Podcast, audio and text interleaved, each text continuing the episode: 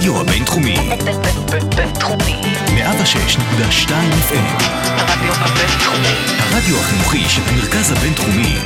לקום ישראל. 106.2 FM.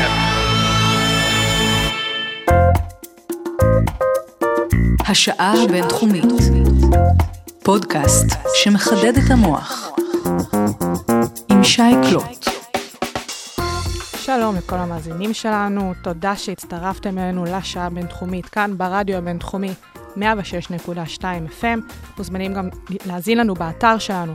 אני שי קלוט, וכאן איתי היום נמצא פרופסור גלעד הירשברגר, פסיכולוג חברתי ופוליטי, סגן דיקן בית הספר, ברוך היפצ'ר, פסיכולוגיה במרכז הבינתחומי. שלום גלעד, שלום שי, מה נשמע? בסדר, מה שלומך? אני אחלה. אתה הצטרפת אליי כאן היום בשביל לדבר על פסיכולוגיה פוליטית במסגרת התוכניות שאנחנו עושים לקראת הבחירות פה ברדיו הבינתחומי. אה, וכבכל תוכנית, אנחנו נשמע עכשיו מה יש לסטודנטים שלנו כאן במרכז להגיד על אה, השאלות שהשמענו להם בנוגע לנושא הזה. אוקיי. מה הם הגורמים שמשפיעים עלייך לבחור במפלגה שבה את בוחרת? קודם כל, הנבחרת עצמה. מי שעומד בראשה וגם האנשים שנמצאים לצידו. באמת אה, היושר אה, של הרשימה, אה, ההרכב של הרשימה, ולאו דווקא מי שעומד בראשה. האם יש פריימריז בתוך המפלגה ואיזה סוג של פריימריז, וכמובן המצע האידיאולוגי. ניסיון עבר, מה המפלגה הזאת עשתה, מה היא עשתה, מי האנשים שעומדים שם ומה מה הרקע שלהם. גם, אגיד את האמת, גם יש רושם ראשוני שמקבלים על בן אדם. זה גם, זה האישיות של המנהיג עצמו ומה האג'נדה של אותה מפלגה. האם הבחירה שלך מושפעת מהבחירות של הורייך בעבר? יכול להיות שבאיזשהו מקום כן. באיזשהו מקום בטוח שכן, למרות שאני לא מצביעה כמו ההורים שלי. כן, ברור. האמת שכן. זה ממש, זה לא, לא, לא רק ההורים, זה כל המשפחה. פשוט משפחה קטנה, אז הולכים יחד לכל ה... מה יותר משפיע בעינייך בבחירת רשימה לכנסת, האישיות של מנהיג המפלגה או המפלגה כמכלול? המפלגה כמכלול. המפלגה כמכלול, ללא ספק. אישיות של מנהיג לדעתי. גם וגם. עד כמה המצב הביטחוני משפיע על הבחירה שלך? אה, מאוד משפיע על הבחירה שלי. משפיע. האמת, פה ב- בישראל אפילו בכלל נוצר מצב שנראה לי המון אנשים, אם לא הרוב, לפחות לפי הדעה שלי, מצביעים פשוט לפי המצב הביטחוני. האם לדעתך מחקרים פסיכולוגיים יכולים לנבא תהליכים פוליטיים בחברה? כן. אז אני חושבת שאפשר לנבא דברים, איזה שהם מגמות מסוימות, אבל שוב, כמו אם אנחנו מדברים נגיד על סקרים וכאלה, הם לא רלוונטיים אף פעם כמעט. כן? אה, כן, אני מאמין בזה, כי זה פסיכולוגיה חברתית יכולה להשפיע על כל דבר, אז אה, הם יכולים להיאבק כל דבר גם. אוקיי. זה טוב. ככה היו הסטודנטים שלנו. זה היה מאוד מעניין. זהו, זה מעניין לשמוע מה הם אומרים, גם באמת ככה שונים ומשונים. אה, אנחנו ניגע בכל השאלות ששאלנו אותם, אנחנו גם ניגע פה באולפן. אז בואו נתחיל באמת מההתחלה הכי ראשוני, מה זה בכלל פסיכולוגיה פוליטית? אוקיי, okay, פסיכולוגיה פוליטית זה תחום שנגזר בעיקר מתוך הפסיכולוגיה החברתית, שהמטרה שלו היא להבין אה, תהליכים פוליטיים, בעיקר בקרב האוכלוסייה הכללית. כלומר, מה גורם להם לתמוך בעמדה כזו או אחרת, או במנהיג כזה או אחר, איזה גורמים משפיעים על, ה, אה, על קבלת ההחלטות שלהם, איזה גורמים גורמים להם אה, להירתע ממשהו או להימשך אל משהו. וכמובן שכל זה משפיע על ההתנהלות שלהם ב, ביום הבחירות ובכלל. אז אנחנו, באמת אתה אומר שזה תחום שנלקח אה, מהתחום של הפסיכולוגיה החברתית. נכון. אה, והשאלה שלי בהקשר הזה היא, במשך כמה זמן משתמשים בתחום הזה כתחום מחקרי? זאת אומרת, הוא יחסית חדש, זה משהו שכבר במשך הרבה שנים משתמשים בזה? הוא יחסית חדש. קודם כל, כל הפסיכולוגיה היא חדשה. כן. כן, הפסיכולוגיה היא בת 100 שנים בסך הכל. הפסיכולוגיה החברתית והנגזרת הפוליטית מתוכה קיימות אה, פחות או יותר אה, 50-60 שנה, כן, לא הרבה יותר, אה, כשרק בשנים האחרונות הנושא הזה באמת הולך ומתפתח. אני לא אכנס יותר מדי להיסטוריה, אבל אחד הדברים שגרמו להתפתחות של הפסיכולוגיה הפוליטית, אלה אירועים אה, בעולם. כגון? למשל, למשל אה, מלחמת העולם השנייה. כן, במלחמת העולם השנייה, פתאום אה, צבאות ומדינות עמדו מול המון שאלות שלא היה להם אה, מענה, והם רצו להבין איך הדברים האלה עובדים. והפסיכולוגיה הפוליטית, אה, והפסיכולוגיה בכלל, עוזרת לתת מענה לשאלות האלה. אז באמת, אה, האירוע, אחד המשמעותיים בפוליטיקה העולמית, מלחמת העולם השנייה, היא הייתה נקודת הציון שבזכותה התפתח התחום הזה. אחת, אחת מנקודות הציון, כן. אוקיי. אה, ואיך אנחנו רואים את זה באמת כתהליך מנבא תהליכים, כמו שגם שאלנו את הסטודנטים שלנו, זה משהו שבאמת קורה? אנחנו רואים שיש לו איזה שהם אחוזי הצלחה מבחינת ניבוי? אז קודם כל, התשובות שהסטודנטים נתנו לשאלות שלכם, אה, כבר מלמדות כמה דברים. א', שהסטודנטים בבינתחומי חכמים, את זה אנחנו ידענו כבר אה, קודם. ודבר שני, אפשר ללמוד, למרות שזה לא מדגם מייצג של האוכלוסייה, אפשר ללמוד מהסקר המאוד קטן הזה, מה משפיע על אנשים. אחד הדברים הבולטים ביותר שעלו מתוך התשובות של הסטודנטים זה שהאישיות של המועמד או של המפלגה, של, ה, של האנשים שנמצאים בתוך המפלגה, אה, זה גורם מאוד אה, משמעותי. זאת אומרת, קודם כל, לפני כל דבר אחר, אנחנו מסתכלים על האנשים, על הפוליטיקאים. איך הם נראים לנו? הם אה, חושבים כמונו, הם נחמדים, הם נראים כמונו, הם באים מאותו רקע, הם נשמעים אמינים או לא אמינים. כל הדברים האלה מאוד מאוד משפיעים. עוד הרבה לפני שאנחנו מחליטים האם אנחנו תומכים או לא תומכים במצע של המפלגה או בעמדות הספציפיות של המפלגה. ובאמת אה, מבחינת העניין של אה, מנהיג מפלגה או מי שעומד בראשה, האם זה הגורם החשוב ביותר? אה, שבגינו זה... אנשים מחליטים לבחור? לא, זה אחד okay. אוקיי, הגורמים. Okay. כן? אוקיי. זה אי אפשר להגיד שהכל קם ונופל על זה, אבל זה בהחלט משפיע. האם uh, זה שנתניהו כריזמטי משפיע? האם זה שגנץ, גבר uh, גבוה ויפה תואר משפיע? כן. כל הדברים האלה הם דברים שמשפיעים, והם משפיעים בצורה שהיא לא לחלוטין מודעת. אף אחד מאיתנו לא הולך לקלפי שהוא חושב, גנץ יותר יפה מביבי, אז אני אצביע גנץ, או להפך. אבל הדברים האלה בהחלט uh, משפיעים. זה גורמים כמה... שקיימים, ו... גורמים שקיימים, כן. ובהחלט אנחנו שומעים שיש אנשים בציבור שכן באים ואומרים, משנה לי. איך... זה משנה, אה, זה מאוד משנה, ואנחנו גם יודעים ממתי הדברים האלה משנים, כן? אה, לפני שהייתה תקשורת מפותחת כמו היום, לפני שראו מועמדים בטלוויזיה, לא כל כך שינה כיצד המועמדים האלה נראים, אבל מאותו רגע שאנחנו חשופים למראה של המנהיגים, שאנחנו לא רק שומעים אותם נגיד ברדיו או קוראים עליהם בעיתון, אלא ממש רואים אותם, אה, זה מאוד משפיע. אז באמת מבחינת, אתה מדבר פה על זה שאמצעי התקשורת העלו את החשיבות של אה, מראה, של החיצוניות של המנהיג. Uh, מתי הייתה הפעם הראשונה שבאמת uh, נחשפנו לדבר כזה, להשפעה של אמצעי התקשורת?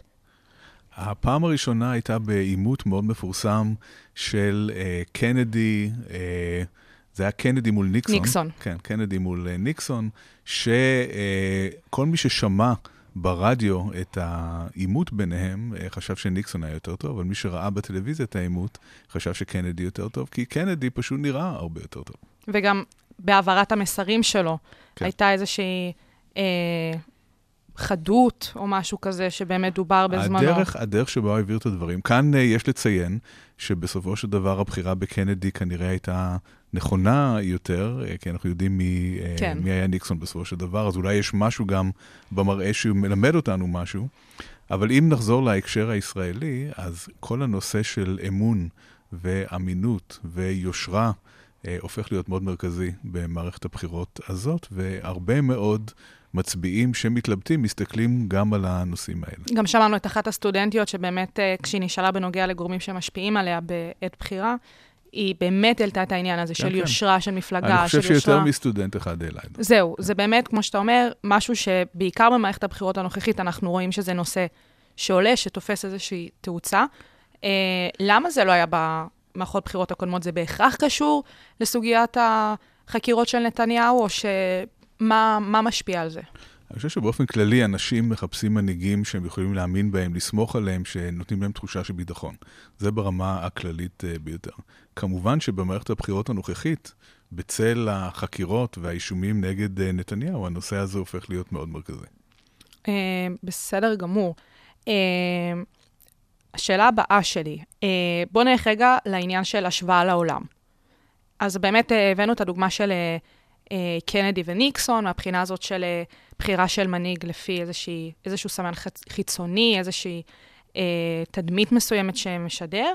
אה, מה עוד אנחנו רואים מבחינת גורמים שמשפיעים על הבוחר, שיש פה ואין בעולם, או שאנחנו דומים לעולם? אוקיי, שוב, אם נחזור לתשובות של הסטודנטים שלנו, אז אחד הסטודנטים אמר משהו מאוד חשוב, שהוא מאוד ייחודי לישראל. הוא לא ייחודי רק הוא לא קיים רק בישראל, אבל הוא בעל עוצמה אה, רבה יותר בישראל, וזה הנושא של אה, הביטחון. הנושא של ביטחון, של טרור, של איומים. ואותו סטודנט אמר שלדעתו חלק גדול, אם לא רוב המצביעים, מצביעים על סמך המצב הביטחוני. אה, א', זאת נקודה שהיא מאוד חשובה. היא נקודה נכונה? תכף אני אכנס לזה, okay. אוקיי. היא נקודה מאוד uh, חשובה. ודבר שני, זה במקרה ממש מרכז תחום ההתמחות uh, שלי. כן, שזה Uh, כן. אז, אז אני אשמח לדבר על זה. Uh, כל הנושא של uh, ביטחון, צריך לה, להרחיב קצת את, ה, את הפוקוס עליו, ו-. ולא לדבר רק על ביטחון, אלא על נושא של איומים באופן כללי. עד כמה איומים משפיעים על, ה, uh, על הציבור הישראלי, על הבוחר הישראלי, אז התשובה היא מאוד, אבל ישנם איומים שונים. אוקיי. יש את האיום שהוא התייחס אליו, שזה איום פיזי קולקטיבי.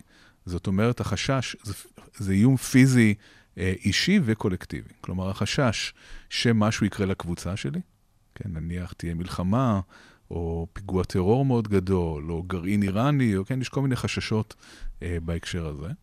וכמובן ברמה האישית, שלא יקרה לי משהו, כן, שאני לא אפגע באופן אה, אישי.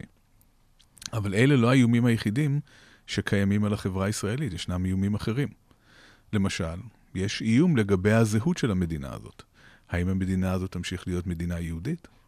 האם המדינה הזאת תמשיך להיות מדינה דמוקרטית? שזה משתקף אולי גם בהקשר של חוק הלאום, שבהכרח אה, מתסיס איזשהו עניין שקשור לביטחון אה, של הזהות שלנו בהקשר של הבחירות הקרובות. לחלוטין, לחלוטין. ישראל נמצאת uh, כבר uh, הרבה מאוד שנים, uh, מעל 50 שנה, ב, uh, ב, בקונפליקט מאוד גדול של בין הזהות לביטחון. כן, מה היא, מה היא הולכת לעשות? האם היא הולכת לטפל בעיקר בנושא הביטחוני או בנושא הזהותי? ואנחנו נראה מיד איך שני הדברים האלה לפעמים סותרים אחד את השני. עכשיו, מה שמאפיין את האיומים האלה, זה שבעוד שהאיום הביטחוני, הפיזי, הוא מאוד מאוד uh, נתפס. הוא מוחשי. מאוד ניכר, הוא מאוד מוחשי, כולנו מבינים מהו, אנחנו רואים אותו כל הזמן, קל לדמיין איך הוא נראה. האיום הזהותי הוא קצת אמורפי. מופשט קשה יותר. יותר. הוא מאוד מופשט, קשה יותר להבין אה, איך הוא בדיוק יתממש ואיך זה ייראה כשהוא יתממש. ולכן באופן טבעי מה שקורה זה שהאיומים הפיזיים מקבלים קדימות על האיומים הזהותיים, שאני קורא להם איומים סימבוליים.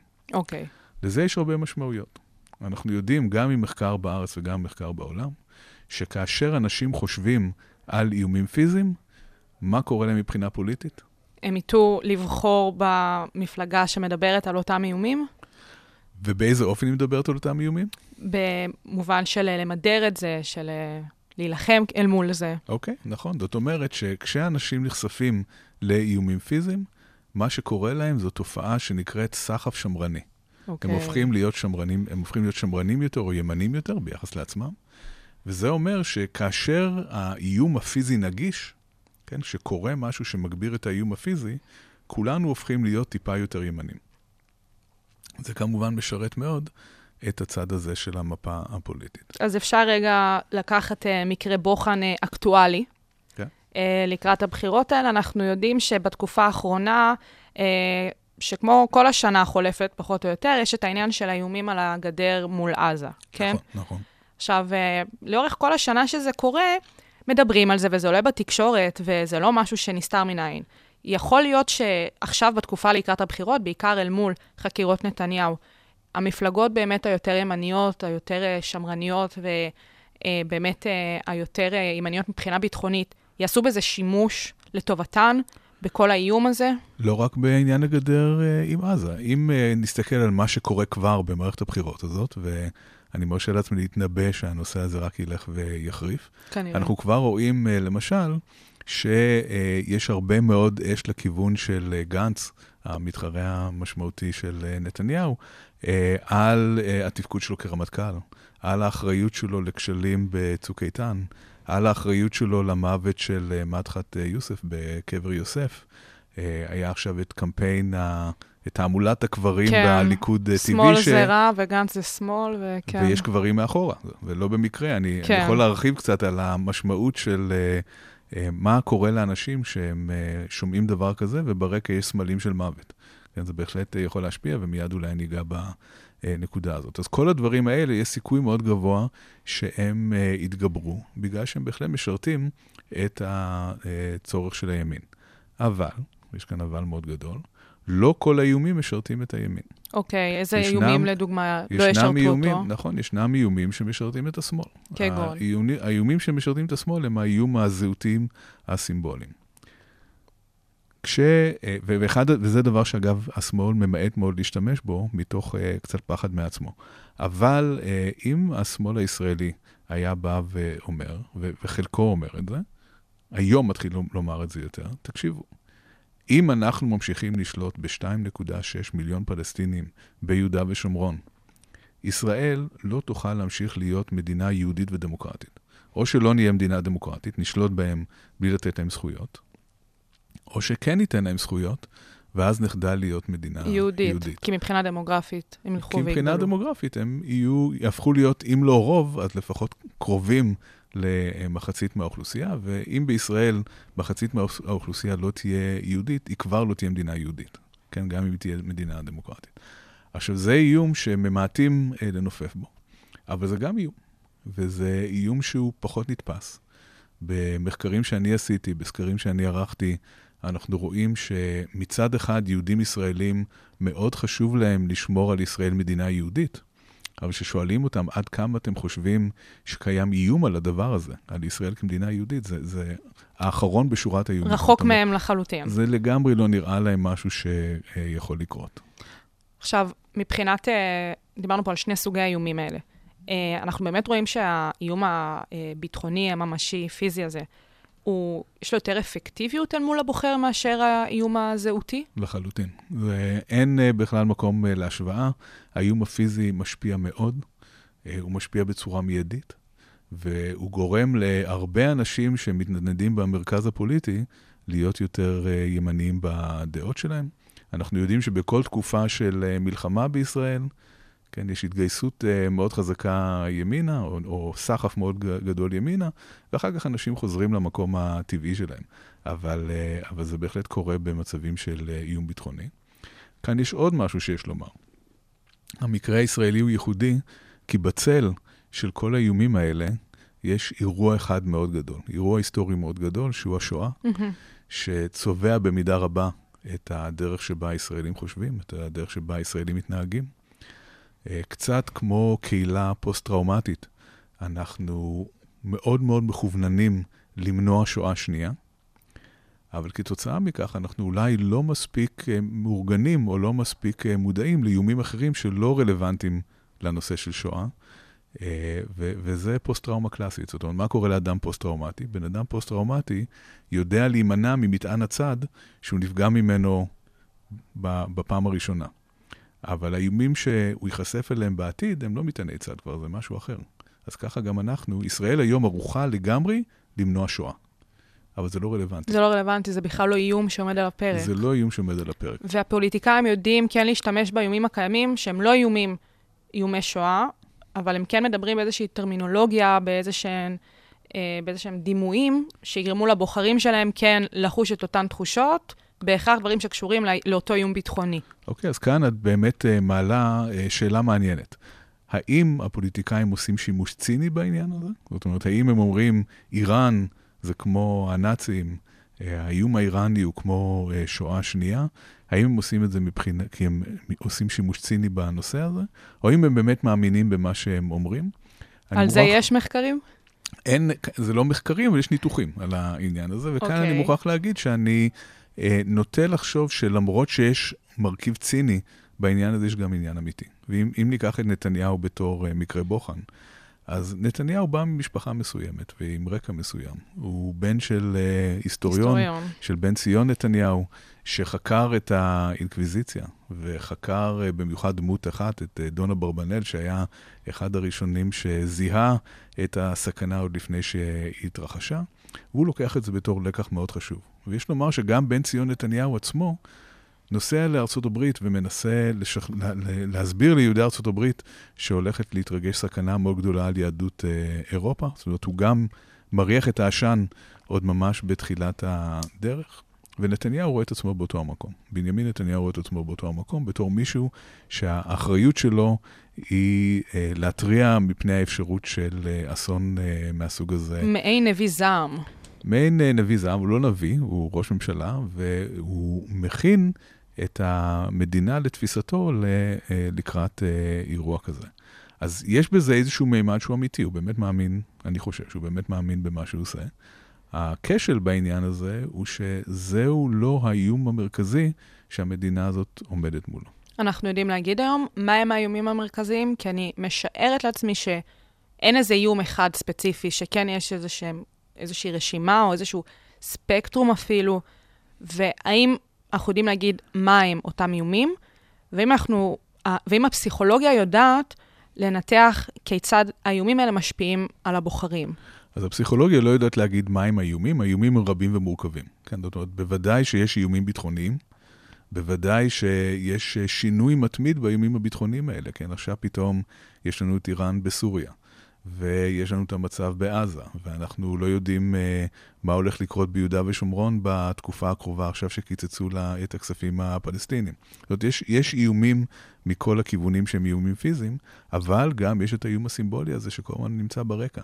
כן? שישראל שולטת בעצם ב-2.6 מיליון פלסטינים אה, חסרי זכויות ביהודה ושומרון, שבמידה והיא לא תיתן להם זכויות, היא לא תהיה דמוקרטית, כן תיתן להם זכויות, היא לא תהיה יהודית. ומה שאנחנו יודעים לעשות בתור פסיכולוגים, זה לראות עד כמה אנשים תופסים את האיומים האלה, ואיך תפיסת האיומים משפיעה על עמדות שלהם. אז חוץ מהאיומים שדיברנו עליהם, איזה באמת איומים נוספים יש, שהם אולי פחות על סדר היום, שאנחנו אלה, יודעים שהפסיכולוגיה... אלה האיומים המרכזיים, הייתי, לא הייתי הולך לאיומים אוקיי. אחרים, הייתי הולך לאיומים האלה ומנסה להבין מה הם מנבאים, מה אנחנו יודעים מהם.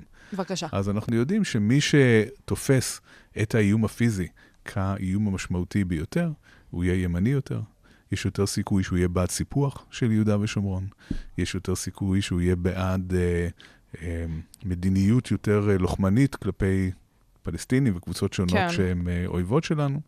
מי שתופס את האיום הסימבולי כיותר גבוה, יש יותר סיכוי שהוא יהיה בעד uh, סוג של היפרדות או הסכם עם הפלסטינים. יש יותר סיכוי שיהיה שמאלי או מרכז-שמאל בדעות שלו, ופחות uh, יסוס להשתמש באלימות כנגד השכנים שלנו. מה שמעניין בשני האיומים האלה, זה שיש יחסית מעט אנשים שמסוגלים לתפוס את שניהם. אוקיי. זאת אומרת שיש לנו איזשהו עיוורון קשב. אנשים שתופסים את האיום הפיזי, נוטים אה, או לזלזל או לא לתפוס בכלל את האיום הסימבולי הזהותי, ואנשים שתופסים את האיום הסימבולי הזהותי נוטים אה, להתייחס בקלות ראש יחסית לאיום הפיזי. אה, שאלה נוספת בנוגע לשני סוגי האיומים האלה, האם האיום הפיזי-ביטחוני הוא יותר, אה, נקרא לזה, ותיק מאשר האיום הסימבולי, ואולי בגלל זה אנחנו רואים שיש לו השפעה יותר רחבה? אני לא יודע אם הוא יותר uh, ותיק, השאלה הסימבולית תמיד הייתה על הפרק בצורות שונות, אבל הוא פשוט הרבה יותר קל לתפיסה. זה פשוט, יותר... העניין הדומיננטי בו זה שהוא פשוט יותר מוחשי. זה לא רק שהוא יותר uh, מוחשי, יותר קל uh, להבין אותו, הוא יותר קרוב מבחינה פסיכולוגית, הוא, הוא נתפס כיותר קרוב מבחינה פסיכולוגית. ההבנה של האיום הזהותי הסימבולי דורשת איזושהי מורכבות uh, קוגניטיבית. ורוב האנשים, הרבה יותר קל להם להבין איך אה, נראה אה, פיגוע שמתרחש מחר בבוקר, מאשר איזושהי טרנספורמציה זהותית כזאת שמאוד קשה להבין אותה. אה, בואו נדבר רגע על ציבור הבוחרים שלנו כאן בישראל. אה, אני זוכרת בבחירות הקודמות, אני הייתי חיילת. אוקיי. Okay. ואני זוכרת שהצבעתי בבסיסים, ואז חיכו לקולות החיילים, בשביל אה, שבאמת התוצאות יהיו תוצאות אמת. כן. ואני זוכרת שאמרו שקולות החיילים מביאים יותר מנדטים לבית היהודי ולמרץ. זאת אומרת, בהכרח לקצוות יותר, נכון. מבחינת הקשת הפוליטית. ורציתי לשאול האם באמת הפסיכולוגיה הפוליטית יודעת אה, באמת לדקור את העניין הזה, שיש איזושהי שונות מבחינת סוגי אוכלוסיות. פה דיברתי נגיד על העניין של גיל, אבל גם גיל, גם מין, גם אולי אזור אה, מגורים, פריפריה לעומת מרכז ודברים כאלה. אז הפסיכולוגיה הפוליטית יודעת לענות על השאלות אז האלה? אז אולי לפני שנסתכל על הניואנסים האלה של, של ההבדלים כן. בתוך האוכלוסייה הישראלית, בואו בוא, בוא נבין, או בואו נבין מה בעצם העמדות של האוכלוסייה בישראל בכלל. מעולה. וכאן uh, יש לי חדשות די מפתיעות. ישראלים הם בסך הכל אנשים מאוד מאוד מתונים ופרגמטיים. כן, זה באמת מפתיע אוקיי. לשמוע את זה. כן, הם מאוד מאוד מתונים ופרגמטיים. איך אנחנו יודעים את זה? אנחנו עורכים uh, סקרים, ובשנה האחרונה ערכתי ארבעה סקרים כאלה, ובכולם יוצא בצורה מאוד ברורה שקצת פחות ממחצית מהציבור בישראל תומך בפתרון של שתי מדינות לשני עמים. עוד uh, כ-25 אחוזים, שזה היה מאוד מפתיע, תומכים באיזשהו סוג של היפרדות אה, ישראלית יזומה מהפלסטינים. הכוונה היא לצעד שהוא לא בהסכם עם הפלסטינים, אבל שהמשמעות שלו היא התחלה של התקפלות ישראלית, לפחות מחלקים מסוימים של יהודה ושומרון. מהלך הרוב- חד-צדדי שכזה? מהלך חד-צדדי. עכשיו, המהלכים החד-צדדיים האלה יכולים להיות עם נסיגה של צה"ל, בלי נסיגה של צה"ל. יש כל מיני וריאציות שונות של הדבר הזה, אבל זה פחות חשוב. מה שחשוב זה שכמעט 75% מהציבור הישראלי מוכנים לאיזשהם פשרות. הם, הם מאוד מאוד מתונים בעמדות שלהם.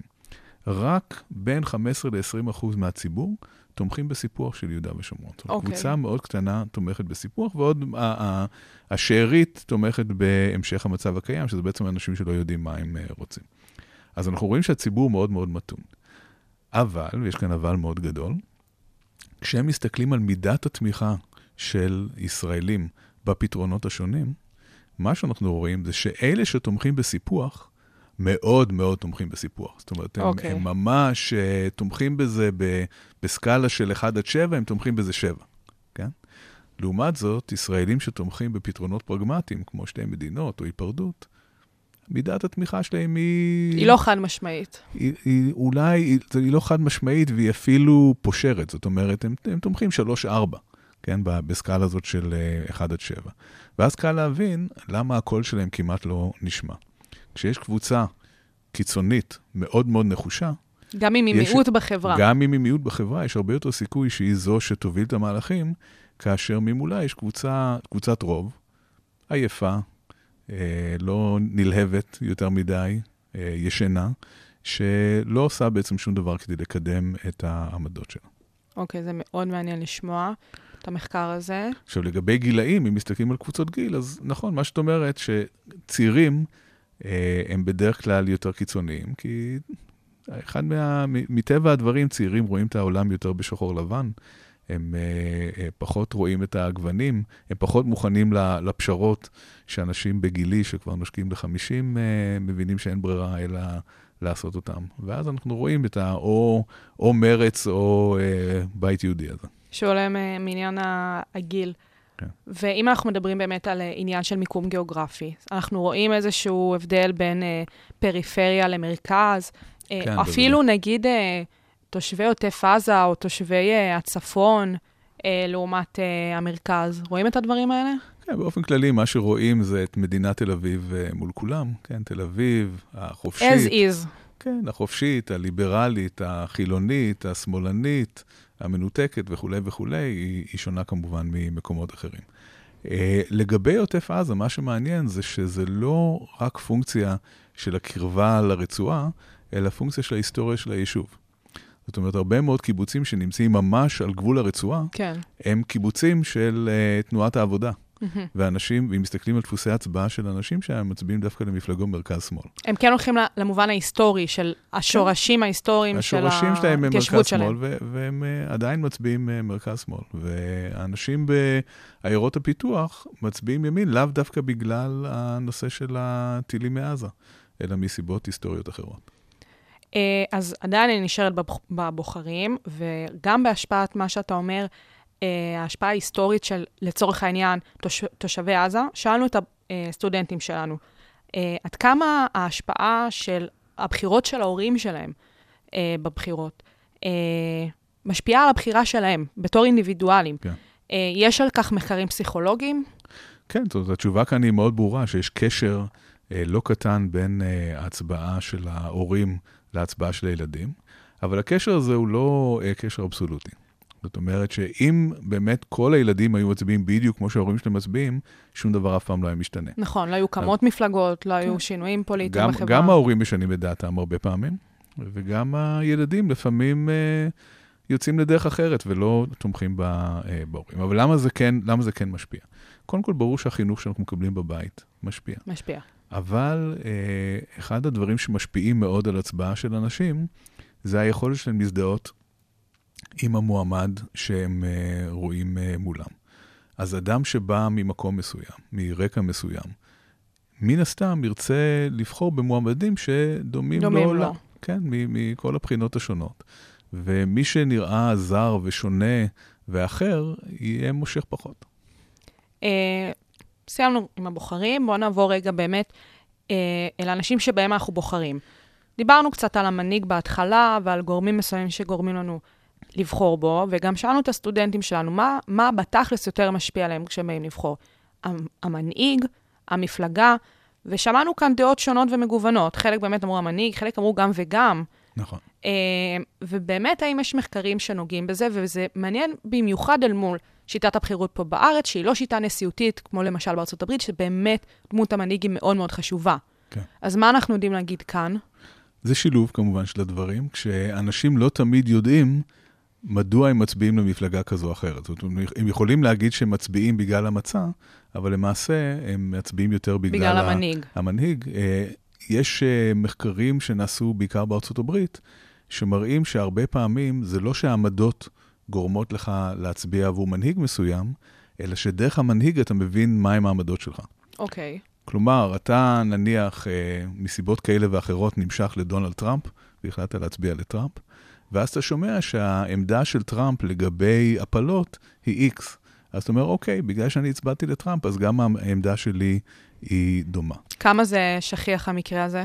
של באמת... מאוד מאוד שכיח. כן? כן, זאת אומרת, לרוב האנשים אין עמדה, מג... קודם כל אין את הידע לגבי רוב הדברים, ואין עמדה מגובשת לגבי 100% מהנושאים, והרבה פעמים השיוך המפלגתי עוזר להם להבין מהי העמדה שלהם בנושאים אה, שונים. אה, עכשיו, באמת, האם מפלגות יודעות לשווק את עצמן כאיזשהו גורם לבח... לבחירה?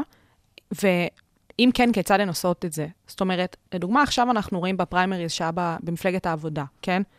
היה שם הרבה עניין סביב אה, דמותו של אה, אבי גבאי, יו"ר המפלגה, ולאחר מכן, בפריימריז שנערכו, הם אה, הצליחו לבנות אה, רשימה מאוד מגוונת ומאוד אה, חברתית, שמייצגת משהו מאוד מאוד אה, ברור. ואז הת- התחילו להישמע המון המון קולות בנוגע לזה שתראו איזה רשימה, וחבל אה, לאבד פה אה, חברי כנסת, שהקולות לא ילכו נגיד לגבה, ל- סליחה, לגנץ וללפיד. האם באמת המפלגות מבינות שזה קלף שעליהן להשתמש בו בשביל אה, לקושש עוד קולות? אוקיי, אז כאן אני שואלת הרבה מאוד שאלות, ו... זהו, כן, זה ביחד, כזה... וננסה לפרק את השאלה ננסה, הזאת לכמה ננסה. גורמים. אה, הדבר הראשון שאני אגע בו זה הנושא של הפריימריז. לא בכל המפלגות יש אה, פריימריז. נכון, גם, ב- גם אחת הסטודנטיות דיברה על זה. כן. נכון, אחת הסטודנטים דיברה על זה בתור משהו שהוא חשוב לה. כן, גורם שמשפיע. אבל, אבל כאן צריך להבין שהפריימריז בישראל הם אה, מורכבים. אה, זאת אומרת שאם נסתכל על מפלגה אחרת, על הליכוד, מה שקרה בליכוד אה, לאורך השנים זה שהרבה מאוד אנשים התפקדו למפלגה ומצביעים בפריימריז, מבלי שהם עצמם מצביעים אחר כך לליכוד. איך אנחנו יודעים את זה? אפשר לראות את זה בעיקר בדפוסי ההצבעה של ההתנחלויות. מהמם. ביהודה ושומרון. אנחנו יכולים לראות ששם יש הרבה מאוד מתפקדים לליכוד, אבל כשמסתכלים בכל יישוב, בכל. יישוב, רואים שהם כולם אה, מצביעים שם לעוצמה היהודית ולבית היהודי, והצביעו ב-2015 למפלגות האלה, ופחות לליכוד. מה זה עושה? זה קודם כל גרם לליכוד באופן ספציפי להיות מפלגה הרבה יותר קיצונית מהבוחרים שלה. כן, וזה אחד הדברים החד משמעיים שאפשר, להגיד על המפלגה הזאת. לאחרונה יש מין אה, קבוצה שנייה של הליכודניקים החדשים שעושים תיקון לכיוון השני. מנסים לאזן את זה. כן, אבל בכל מקרה, מה שברור זה שברגע שאנשים שהם לא מצביעי המפלגה מתפקדים למפלגה, אז כל הרעיון הדמוקרטי כביכול קצת... אה, מתעוות לו. קצת מתעוות. אה, בעבודה יש פחות הבעיה הזאת בגלל שזו מפלגה קטנה. והיא לא מפלגת שלטון, והיא לא מפלגה שכרגע נראה שהיא מאיימת על השלטון. כן. אז שם יש סיכוי שההתפקדות הייתה קצת יותר אמיתית, ובאמת, אה, למרות הבעיות במפלגה, הם כן הצליחו לייצר נבחרת די, אה, אה, בוא נגיד שהיא די, די טובה וחזקה לבחירות האלה, ונראה איזה השפעה תהיה לזה. אבל כאן כשאת שואלת את ה... כאן עוברים לשאלה השנייה, וזאת השאלה של עד כמה הן מנסות אה, לנפנף בזה, לא יודעת. לנפנף בזה, או, או אה, לגעת בדיוק בנקודה שהציבור אה, יגיב, אה, צריך להבין על מה כולם רבים כרגע. ו, וכאן שוב חוזרים לעמדות של הציבור הישראלי. אם מסתכלים על מה בעצם קורה בציבור, אז יש לנו את הימין, שהוא מאוד ברור, ויש לנו את השמאל, שהוא מאוד ברור, והם לא מעניינים. כי מי שימני יהיה ימני, ומי ששמאלני יהיה שמאלני. יש במרכז כמות עצומה של אנשים, לפחות 50% מהציבור הישראלי משוטט אי שם במרחבי המרכז, אה, עם עמדות לא לגמרי סגורות, וכולם רוצים את הקולות של הציבור הזה. אלה אנשים שבנסיבות מסוימות יצביעו ימין. אלה אנשים שבנסיבות מסוימות יצביעו מרכז או שמאל. באמת מדובר על פחות או יותר 50% מהאוכלוסייה? כן, כן, כן. מדובר ב-50% מהאוכלוסייה, ואלה האנשים המשמעותיים ביותר. עכשיו, אנחנו יודעים, למשל, שבשנים האחרונות חלק גדול מהאנשים האלה הצביעו ליכוד, מתוך סיבה אחת, לא מתוך איז, איזושהי התלהבות גדולה מהליכוד, או התלהבות גדולה מנתניהו, אלא הם אמרו, המציאות היא סבוכה, הוא היחידי שבאמת יודע להתמודד עם זה, אז אין ברירה, נצביע נתניהו. אחד האתגרים של גנץ, לפיד והמפלגה החדשה הזאת, כחול לבן, היא בדיוק המצביעים האלה, שהם אנשים שהם לא... אה, נעולים על נעולים ביבי על או על הליכוד, הליכוד. הם לא אנשים אה, שהם אה, שרופים ואין שום סיכוי שמישהו כן, יזיז באו אותם. מבית בגין. בדיוק. הם, אלה אנשים שאם הם ירגישו שהמפלגה הזאת נותנת להם את הדברים הבסיסיים שהם רוצים, שזה ביטחון, שזה תחושה שבאמת יש מישהו אחראי שישב על המושכות ו- וינווט את המדינה לכיוון הנכון, אז יש סיכוי לא רע שהם יעברו לצד הזה. אנחנו בינתיים לא כל כך רואים בסקרים, רואים מעט מאוד מזה בסקרים, אבל, אבל הפוטנציאל קיים. אוקיי, מעניין לשמוע את העניין הזה של ההתנדנדות באוכלוסייה ואת זה שבאמת המפלגות מכוונות בדיוק לאותו אחוז באוכלוסייה שמתנדנד. כולם רבים עכשיו על המרכז, אה, כשאנחנו רואים כאן כל מיני שינויים מעניינים. זאת אומרת, אם מסתכלים על הליכוד, אפילו על הימין החדש של אה, בנט ושקד, כן, שגם הוא מנסה קצת להתרחק מהבית היהודי נכון. ולהגיד, יותר אנחנו- כלכלי, יותר... אה, אפילו הם, הם מדיניים, אבל הם אומרים, אנחנו בעצם צעירים תל אביבים, קצת ימנים, צריכים uh, להצביע גם עבורנו. כן, כן, הם, הם רוצים למשוך את הציבור המרכז-ימין הזה, אז גם הם מתחרים על זה. גם מהצד השני, יש לנו את גנץ ואפילו את גבאי.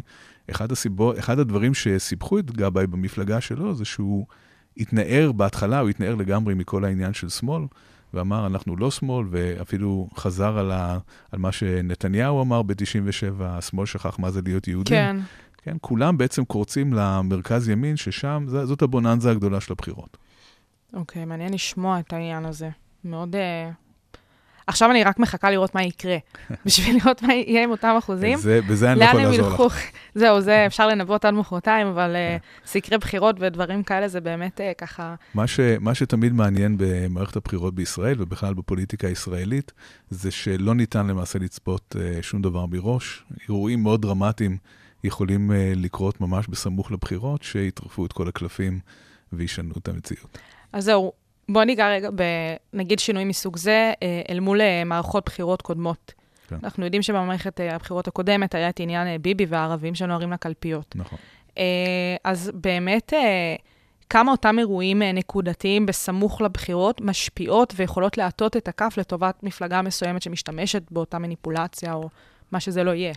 אז התשובה היא מאוד. כן, אנחנו ראינו את זה בבחירות הקודמות, אבל חשוב להבין מה קרה בבחירות הקודמות. כשביבי יצא עם ההודעה הזאת שהערבים נוהרים לקלפיות, שאגב עכשיו מחומרי החקירה אנחנו לומדים שהוא השפיע על אתר וואלה לשדר כן. את זה שוב ושוב, את האמירה הזאת, מה שבעצם קרה זה נהירה של מצביעים ימנים לליכוד. אל מול הנהירה של הערבים. נכון, אל מול הנהירה של הערבים, אז, אבל כל התנודה הזאת הייתה תנודה תוך גושית, היא לא הייתה בין הגושים. זה לא משך אה, מצביעי שמאל כן. להצביע לליכוד, זה גרם לזה שמסקרים שניבאו אה, הפרש של נדמה לי ארבעה-שישה מנדטים לטובת אה, הרצוג, אה, העסק התהפך והיה פער של אה, שישה מנדטים לטובת אה, הליכוד, וזאת בעקבות ירידה בכוח של הבית היהודי, של אה, ש"ס, אה, של אה, ישראל ביתנו, של מפלגות ימין אחרות.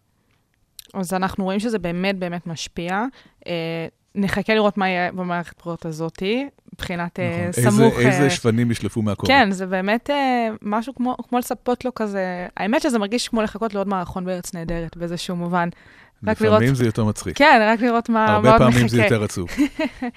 אה, בוא רגע נדבר על העניין של אה, פוליטיקת זהויות. כן. אוקיי? דיברנו כאן אה, על העניין של אה, איומים. נכון. ופוליטיקת זהויות אולי נכנס באמת לעניין של האיום ה... של הזהות, באמת מה שאמרנו, אבל זה קצת שונה, נכון? כי זה לא מדובר על משהו מאיים, אלא משהו מאחד מאחוריו. כן ולא. זאת אומרת, אם אנחנו מסתכלים שוב, אם, אם ניגע שוב בנקודה שדיברנו עליה מקודם, שזה שאנשים רוצים להצביע לאנשים אחרים שדומים להם, אז כאן פוליטיקת הזהויות כמובן אה, נכנסת לפעולה בצורה מאוד אה, ברורה. חד משמעית, זה, זה ה, ז, זאת המשבצת שבה נציג הציבור רוצה שיזדהו איתו, לגרום לאיזושהי הזדהות. נכון, וזה עובד אה, באופן חלקי, זה עובד לפעמים, אבל... זהו, מה- לא כ- כמה זה מלא. עובד? כמה- מה המחקרים בואו- יודעים להגיד על זה? בואו ניקח את ה... שוב, זה יותר ניתוח מממש מחקר אמפירי, אבל אם ניקח את, ה, את, את הדוגמה של מפלגת העבודה בתור אה, מקרה, בוחן. אז במפלגת העבודה היום, אם מסתכלים על החמישייה הפותחת של המפלגה, אז יש אה, אה, די הרבה גברים מזרחים, נכון? יש את אה, גבאי ויש את אה, פרץ ויש את שמולי. ויש אה, נשים אה, מאוד אה, משמעותיות ב, אה, ב, אה, במקומות הראשונים במפלגה, כשהמטרה היא לפנות לציבורים האלה. נכון. וההצלחה של זה היא חלקית. מפלגת העבודה יש לה תדמית של מפלגה אשכנזית אליטיסטית, מהמם. כן? וכמעט לא יעזור כלום, ככה יתפסו אותה בציבור, לעומת הליכוד, שנתפס בתור המפלגה העממית. אבל אם מסתכלים על המועמדים לכנסת, דווקא בליכוד, העשירייה הפותחת היא מאוד מאוד גברים אשכנזים, כן? עם, עם מירי רגב בתור הנציגה של הנשים והמזרחים ביחד. כנ"ל לגילה גמליאל. גילה גמליאל היא כבר, אם, אם מחשיבים את אה, נתניהו בעשירייה הפותחת, אז גילה גמליאל כבר לא בתוך, בתוך נכון, העשירייה הזאת. כן? נכון. אבל בסדר, נניח, נכניס גם אותה לצורך העניין. פרגנו לה. אוקיי, אבל, אה, אבל אפשר לראות שלמרות ההרכב הפרסונלי במפלגות, עדיין התדמית הזאת נשארת. זה לא שהציבור המזרחי עכשיו נהר בהמוניו אה, להצביע לה- לעבודה. וזה משהו שאנחנו רואים שקורה בעיקר בארץ, זאת אומרת שהפוליטיקת זהויות הזאת לא באמת מצליחה, זאת אומרת, איך זה לעומת לא, לא העולם? אמרתי שהיא לא מצליחה, היא מצליחה באופן חלקי. הנושא של ייצוג נשים הוא מאוד חשוב. אנחנו יודעים היום שהרבה קבוצות של נשים יגידו, אנחנו לא נשתתף באירוע שבפאנל שיהיו בו רק גברים. אנחנו נכון. לא נשתתף באירוע שיהיו בו רק גברים. אנחנו לא נצביע למפלגה שכל ראשי המפלגה יהיו רק גברים, וזה עושה שינוי. כמובן שיש ביקורת כלפי כל העניין הזה, והביקורת היא שאם אנחנו בוחרים באנשים רק על פי הזהות שלהם, ולא על פי העמדה שלהם, אה, האיכויות האנושיות שלהם, אה, כן, והעשייה שלהם לאורך השנים, יש בזה כמובן משהו בעייתי. אנחנו יודעים שגם יש פוליטיקאים שמנסים להתנער מהעניין הזהותי, נגיד איציק שמולי, כן. שלדוגמה, אתה הגאה מאוד מנסה לצייר אותו כ, כמעמד הגאה, כ, כאיזשהו נציג של הקהילה הגאה, אבל הוא בעצמו, גם בריאיון שהוא העניק אה, בידיעות אחרונות, הוא אמר, אני, אני לא הולך כאיזשהו נציג אה, גאה. להפך, הוא מדבר על הנושאים החברתיים שהוא מקדם וקידם, ובאמת, אנחנו רואים את הפוליטיקאים האלה שכן מנסים להתנער מהטייטל המסוים אני לא שמנסים חושב לדבוק ש- בהם. אני לא חושב שהתנערות זאת המילה הנכונה, אני חושב שהוא לא רוצה להיות מקוטלג הוא לא רוצה לנפנף בתור- בזה, נגיד. הוא לא רוצה להיות רק זה. כן, הוא אומר, אני פוליטיקאי, אני מקדם הרבה מאוד דברים שהם מאוד חשובים, אני פועל לטובת כל הציבור הישראלי לתפיסתי, ובנוסף לזה אני גם גיי. אבל זה לא האישו היחידי שאני מתעסק בו, והוא צודק מהבחינה הזאת, כן? הוא, אם הוא היה רק מתמקד בנקודה הזאת, אז אולי הוא רק היה פונה לציבור מאוד אה, ספציפי. קטן, מאוד ספציפי וקטן. אז זאת אומרת שבאיזשהו מקום, אל מול העניין של פוליטיקת זהויות, שזה נשמע משהו מאוד הגיוני ומאוד אה, רגשי, העניין הזה של ללכת בעקבות מישהו שאתה דומה לו, דווקא יותר חכם לעשות את העניין של להיפתח ולהיות ורסטילי. כמו כל דבר בחיים, הכל עניין של איזונים. זאת אומרת, בסופו של דבר אנחנו רוצים שיהיו לנו מנהיגים איכותיים, ראויים, עם היסטוריה של עשייה, עם אה, אישיות מסוימת, עם ערכים מסוימים, וזה הכל חשוב, אבל אנחנו גם רוצים שהמפה הפוליטית תהיה מפה רב-גונית, ושהיא לא תהיה מורכבת רק נניח מגברים אשכנזים. אז איך עושים את זה? אנחנו צריכים למצוא אנשים מקבוצות אוכלוסייה שונות שיש להם את, ה, את כל המרכיבים האלה, וזה ה, הדבר הטוב ביותר. כן? שיש אה, אנשים שהם גם באים מקבוצות אוכלוסייה שונות, וגם יש להם את האיכויות האנושיות האלה, זה כמובן הפתרון הטוב ביותר, וזה אף פעם לא יכול להיות או-או. ואם אנחנו מסתכלים על זה באמת אל מול uh, העולם, במדינות uh, אחרות למשל, כן יש איזשהו פרמטר, uh, נגיד, לעניין הזה של פוליטיקת זהויות, שמצליח שם יותר לעומת כאן בארץ? שוב, לא הייתי אומר שלא מצליח כאן, אבל בכל העולם המערבי הנושא הזה הוא מאוד מאוד חשוב. כן, לא יעלה על הדעת היום באף מדינה בעולם המערבי שתהיה מפלגה שחלק מראשיה לא יהיו נשים. או שתהיה, או, או אין אף מפלגה ליברלית בעולם, במפלגות ימין כן, אבל אין אף מפלגה ליברלית בעולם שלא תכליל אה, בני מיעוטים אה, בשורותיה. וזה באמת לא הגיוני שזה לא יהיה קיים, כי אה, אנשים איכותיים יש בקבוצות אוכלוסייה שונות, לא רק מקבוצה אחת, ואין שום סיבה שאיזושהי מפלגה תהיה חד-גונית והומוגנית מבחינת ההרכב שלה. אני רוצה לשאול בנוגע למפלגות. כמה אה, המפלגות משתמשות בחיזויים בעזרת אה, תהליכים אה, פסיכולוגיים של החברה? זאת אומרת, באמת, אם אנחנו מסתכלים על סקרים, יש את הסקרים היבשים של במי תבחר ולפי סוגיות אה, כלליות. האם מפלגות גם מחזיקים בשור, בשורותיהם אה, פסיכולוגים, פסיכולוגים חברתיים, פסיכולוגים פוליטיים, שעוזרים להם לנתח תהליכים שבעזרתם גם הם יוכלו להשתמש בקלפים מסוימים, להגיד, למסור מסרים לחברה? שאלה מצוינת, אני שמח ששאלת את השאלה הזאת, כי התשובה היא, אה, בסך הכל לא כל כך. אוקיי. כן, כן במידה מסוימת, אבל לא מספיק.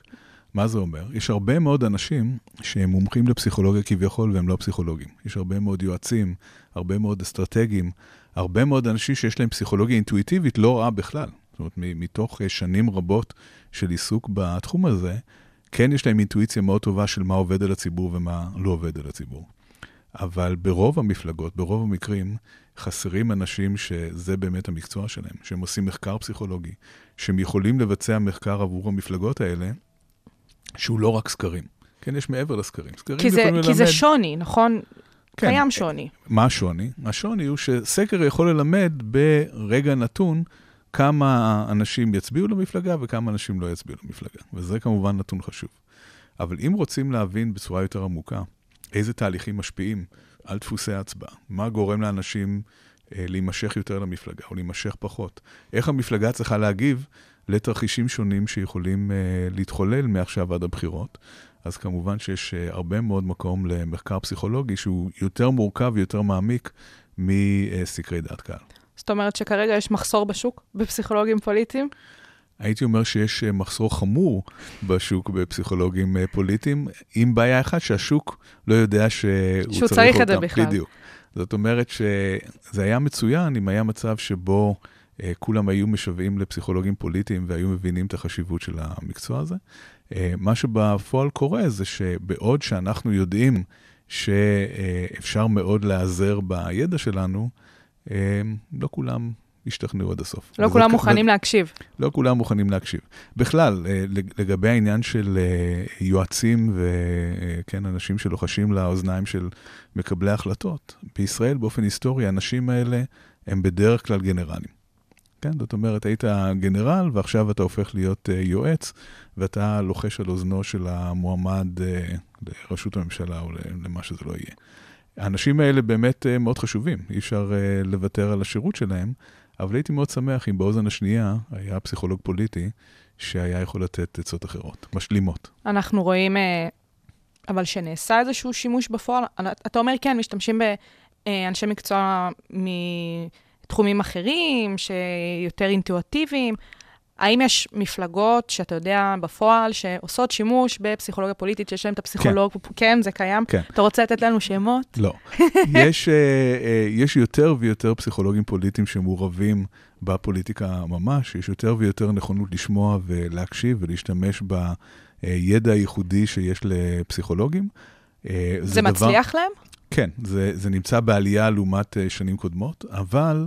אה, זה עדיין אה, נושא שהוא בחיתוליו יחסית בארץ, בניגוד למקומות אחרים בעולם, נגיד ב- בוא תיתן בארצות לנו הברית- דוגמאות באמת של בארצות העולם. הברית זה הרבה הרבה יותר מפותח. כן, בארצות הברית יש למשל think tanks כאלה, טנקי חשיבה שיושבים בהם כל מיני מומחים שונים, כולל אה, פסיכולוגים, וסוציולוגים בטח גם, שקשורים מדעני לתחום. מדינה, סוציולוגים, כן, אנשים מתחומים שונים, אנשי ביטחון, ומרכיב, ו, וכותבים ניירות עמדה מאוד אה, מפורטים, כולל אה, עם, עם מחקרים אה, כאלה ואחרים, שעוזרים למנהיגים לקבל אה, החלטות. בישראל העניין הזה קצת פחות אה, מפותח, אבל הוא הולך ומתפתח, הוא הולך ומתפתח. בארצות הברית מתי נגיד התחיל כל התחום הזה?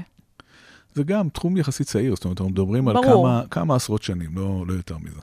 אוקיי, אז אנחנו יודעים שזה תחום צעיר, אנחנו יודעים שזה תחום מתפתח, כן.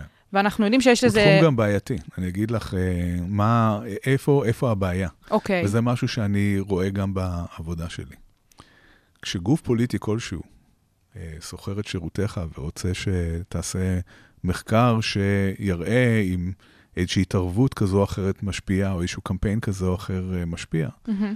מה שהם בדרך כלל רוצים, אפילו אם הם לא לגמרי מודעים לזה שהם רוצים את זה, הם רוצים איזושהי סטמפה, איזושהי חותמת כשרות על משהו שהם עושים. הם רוצים את האישור לפעולה שהם כבר עשו. הם רוצים אישור על איזושהי פעולה, ו, אה, וכמובן שאם יש מחקר שתומך במה שהם עשו, אז, אה, מה טוב. אז מה טוב. אבל השאלה היא מה קורה שהמחקר לא תומך. מה קורה אם המחקר מראה או שזה לא עובד בכלל, או אולי חלילה שההשפעה היא הפוכה. עושה נזק. אז כאן אה, זה אתגר מאוד גדול, גם של, ה, של אותו פסיכולוג שמייעץ לארגונים האלה, וגם של הארגון עצמו, האם הוא יכול אה, באמת לקבל את זה שהמטרה של מחקר היא לא רק לאשש, אלא לפעמים, אה, או, אלא תמיד לומר מה באמת כן. קורה. ושזה אמור לבוא, לפעמים ל... להפריך. וזה אמור לבוא בסופו של דבר לטובת המפלגה. כן. ומפלגות אה, לא משכילות להבין את זה. אה, מה אתה חושב שהולך להיות אה, העתיד של התחום? דיברנו על זה שזה תחום צעיר, שזה תחום מתפתח, שזה משהו שדי בחיתוליו, ובאמת אה, הראינו איזשהו הבדל בין הארץ לעולם, ושכאן אה, עדיין לא השכילו במאת האחוזים להבין. אה, לאט לאט זה תהליך. כן, אז מה, ו- מה הולך להיות בהמשך? אוקיי, החדשות הטובות הן שהעתיד של התחום הזה נמצא ממש כאן במרכז הבינתחומי הרצליה. שזה תמיד כיף לשמוע. כן, אה, והוא נמצא כאן אה, לא רק בגלל שאני משוחד ואני אה, עובד במקום הזה, אלא בגלל שבבית ספר לפסיכולוגיה, אנחנו הקמנו בשנים האחרונות תוכנית MA בפסיכולוגיה חברתית, שאחד המסלולים הוא מסלול של סכסוכים ופיוס בין קבוצות, והשאיפה שלנו היא בסופו של דבר להכשיר סטודנטים, להכשיר סטודנטים מתקדמים ל-MA, אה, להיות אה, מעורבים בארגונים פוליטיים שונים, כולל להיות אה, יועצים פוליטיים. זה כמובן דורש יוזמה גם שלהם. הם יצטרכו לצאת החוצה ולכבוש שטח שכרגע אף אחד לא נמצא בו, ולהוכיח את עצמם, להראות שבאמת יש להם משהו לתרום למערכות האלה. מכיוון שכולם נואשים לקבל עצות טובות, מכיוון שכולם רוצים לדעת מה המפתח אה, לניצחון פוליטי, אה, אז כמובן שהאנשים האלה, אם הם יקבלו הכשרה טובה ובאמת יוכלו לעזור למפלגות לשפר את הסיכויים שלהם, אז אנחנו נראה גם עלייה בצורך בפסיכולוגים פוליטיים בשטח. אתה חושב שפסיכולוג פוליטי טוב זה גם בן אדם שהוא מעורב פוליטית, או שיש לו איזושהי זיקה לפוליטיקה, או שזה כן. לאו דווקא? אה, זה כמעט תמיד חייב להיות אה, כך, וכמובן שיש כאן בעיה. זאת אומרת, כל הפסיכולוגים הפוליטיים בארץ ובעולם הם אנשים מאוד פוליטיים, בגלל זה הם אה, נמשכו לפסיכולוגיה פוליטית. זה אומר שיש להם עמדה פוליטית אה, בדרך כלל אה, מאוד ברורה ולפעמים נחרצת. וכאן עולה השאלה, איך אתה עושה מדע, איך אתה עושה מחקר, כשיש לך... שאתה מלכתחילה סוג של מוטה. כשאתה מוטה, אוקיי? וכאן צריך לעשות הפרדה בין העמדה האישית שלך לבין המחקר שצריך לעשות ללא משוא פנים ובצורה אובייקטיבית ביותר שיש. וזה דורש מאותו חוקר להיות פתוח מספיק כדי לקבל ממצאים שלא מתאימים. לתפיסת העולם שלו, לתיאוריה שלו, וזה קורה כל הזמן. כן? אנחנו כל הזמן נחשפים לדברים שמראים לנו שאנחנו לא תמיד uh, צודקים, וזה משנה לפעמים גם את תפיסת העולם. ואם אנחנו באמת מסתכלים על אה, פסיכולוגים שיש להם עמדה פוליטית, אה, הם ייטו לעבוד אה, עם המפלגה שאליהם הם מזדהים, או שלאו דווקא? או שהם ילכו למקום שמשלמים להם פשוט? זאת שאלה טובה. אה, אני לא הייתי הולך לעבוד אה, אצל מישהו שאני לא אה, מסכים עם הדעות שלו, עם מפלגה שלא מסכים עם הדעות שלה, אבל אה, יש אנשים שאולי כן. כאן צריך לציין דבר נוסף, שכל הפסיכולוגים הפוליטיים כמעט, ללא יוצא מן הכלל בארץ ובעולם, הם יותר בצד השמאלי של המפה הפוליטית, וזה יוצר הטיה uh, לא רק בסוג הייעוץ שהם יכולים לתת, אלא זה יוצר הטיה ממש במחקר. כי אנחנו יודעים שהשאלות שאנחנו שואלים הרבה פעמים, הן שאלות שבאות מתוך מקום יותר ליברלי. אנחנו לפעמים מפספסים שאלות אחרות שאחרים היו שואלים. ולכן גם אחד הדברים שאנחנו צריכים לעשות, אני תמיד אוהב שבמעבדה שלי יש מישהו שהוא ימני, שיכול לתת את הקונטרה, שיכול כן, לתת משהו... את הצד השני. כן. כן, כי זה, זה חשוב, אנחנו כל אחד uh, נמצא בתוך הבועה שלו הרבה פעמים, וחשוב שיהיה, שיהיו אנשים שיעירו גם את הצד השני, כדי שנבצע מחקר יותר טוב. אתה חושב שבעצם אה, אולי זה אחד הדברים שלאט לאט מעלים את העניין? אני קצת חוזרת אחורה, אבל אה, דיברנו באמת אה, בהתחלה על האיום הפחות מוחשי, את האיום אה, של ה... הסימבולי הזהותי. בדיוק, כן. הסימבול, הסימבולי הזהותי. זה אולי מתקשר באמת לשאלות של הפסיכולוגים אה, הפוליטיים מעלים, שהם באמת אולי מגיעים מאיזושהי קו מחשבה יותר ליברלי ומייעצים לאותן מפלגות שמאל דברים בסגנון הזה, שאולי גם באמת מעלה את העניין של אה, אותו סוג ביטחון אה, סימבולי? אז אני חושב שדווקא מה שקורה זה שכל המחקר על איומים, שהמרכז שלו נמצא בארצות הברית, מתמקד כמעט אך ורק באיומים פיזיים. שמה שהוא מראה זה שאיומים פיזיים זה עניין של ימנים, שאם אם, אה, חושפים אנשים לאיום פיזי הם נהיים אה, ימנים יותר, ושבעצם רק ימנים עסוקים באיומים. זה בא בהחלט מתוך איזושהי נקודת מבט אולטרה-ליברלית, שלא מסוגלת אה, אפילו אה, לקחת בחשבון את האפשרות שגם שמאלנים מופעלים על ידי איומים. גם הם חוששים. גם הם חוששים. הם חוששים מדברים שונים, אבל גם הם חוששים. ובמחקרים שאני, ובמיוחד אה, פוסט-דוקטורנט שעובד במעבדה שלי, דוקטור דניס קאן, אה, עושים, אנחנו מראים אה, בארץ ובעולם שיש הבדל מאוד משמעותי בין ימין ושמאל בתפיסת איומים, כן? שימנים נוטים לתפוס באמת האיומים הפיזיים, כמו שהחוקרים האמריקאים אומרים, אבל ששמאלנים, גם בארץ וגם בעולם, תופסים יותר את האיומים הזהותיים הסימבוליים האלה, ואז אנחנו אומרים משהו שהוא נשמע, אה, אולי, יישמע אולי טריוויאלי למאזינים, אבל לא טריוויאלי בתחום הזה בכלל. אנחנו אומרים, למעשה מה שהמחקר הזה מראה, זה שחברה שרוצה לשרוד, מוכרח, מוכרחה שיהיו לה גם ימנים וגם שמאלנים. אוקיי. זאת אומרת שאם כולם בחברה, נניח רק יתפסו את האיומים הסימבוליים, לא יתפסו את האיומים הפיזיים, אז כמובן שידרסו את הקבוצה הזאת תוך שנייה, נכון? יהיה, אה, הם לא יצליחו לזהות את הסכנה הפיזית ש... אה, שנקראת לדרכם. שנקראת לדרכם.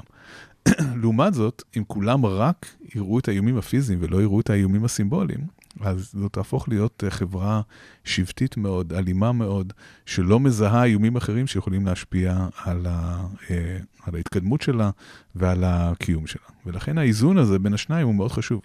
במיוחד לאור העובדה שאנחנו רואים שאנשים בדרך כלל לא תופסים את שני סוגי האיומים, הם תופסים או את האיום הפיזי או את הסימבולי. אז גם החוקרים צריכים להבין את זה, וגם החברה צריכה להבין את זה ברמה המאוד מאוד פרקטית, שאילולא שניהם, לא תהיה חברה.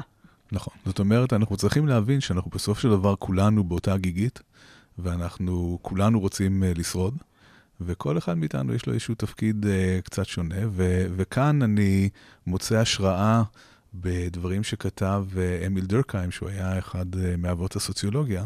הוא בעצם דיבר על קבוצות אנושיות בתור סופר-אורגניזם. כן? Uh, וסופר-אורגניזם זה בעצם יצור על, שמורכב מכל הפרטים השונים של החברה, כאשר כל אדם הוא כמו תא באותו אורגניזם.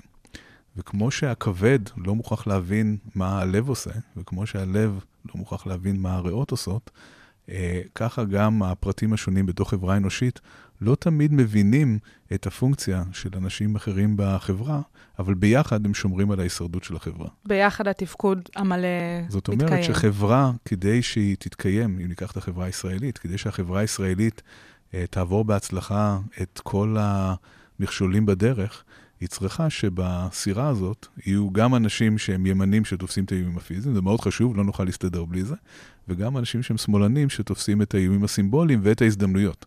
שמאלנים גם תופסים הזדמנויות בצורה טובה. מאוד מאוד מעניין, באמת אני חושבת שהעלינו כאן כמה תובנות בנוגע לדברים שכמו שאמרת, נשמעים אולי טריוויאליים באיזשהו מקום, אבל בפועל המחקרים מראים דבר קצת שונה ובאופן קצת יותר מובהק, וזה כיף לראות את זה. כן, אם נחזור לנקודה שאמרתי עכשיו, אז הרבה פעמים אנחנו תופסים את המאבק בין ימין ושמאל, בין צד אחד שצודק לצד אחד שטועה. נכון. ומזה צריך להשתחרר. צריך להבין שיש כאן שני צדדים שצודקים במידה מסוימת. כן? ואם אה, נדע למצוא את האיזון הטוב בין הצדדים האלה, אז כאן, כאן נראה שאנחנו כחברה אה, נעבור את, ה, את, את כל מה שיקרה בעתיד בצורה טובה יותר. מעולה, כיף לשמוע. פרופסור הירשברגר, אני רוצה להודות לך מאוד על השעה הזאתי. תודה לך, שי. לכם מאזינים, אתם יכולים להיכנס לאתר שלנו ולהאזין לנו אה, בתוכניות המיוחדות כאן לקראת הבחירות, בשעה הבינתחומית. אה, תודה שהאזנתם לרדיו הבינתחומי, 106.2 FM, להתראות.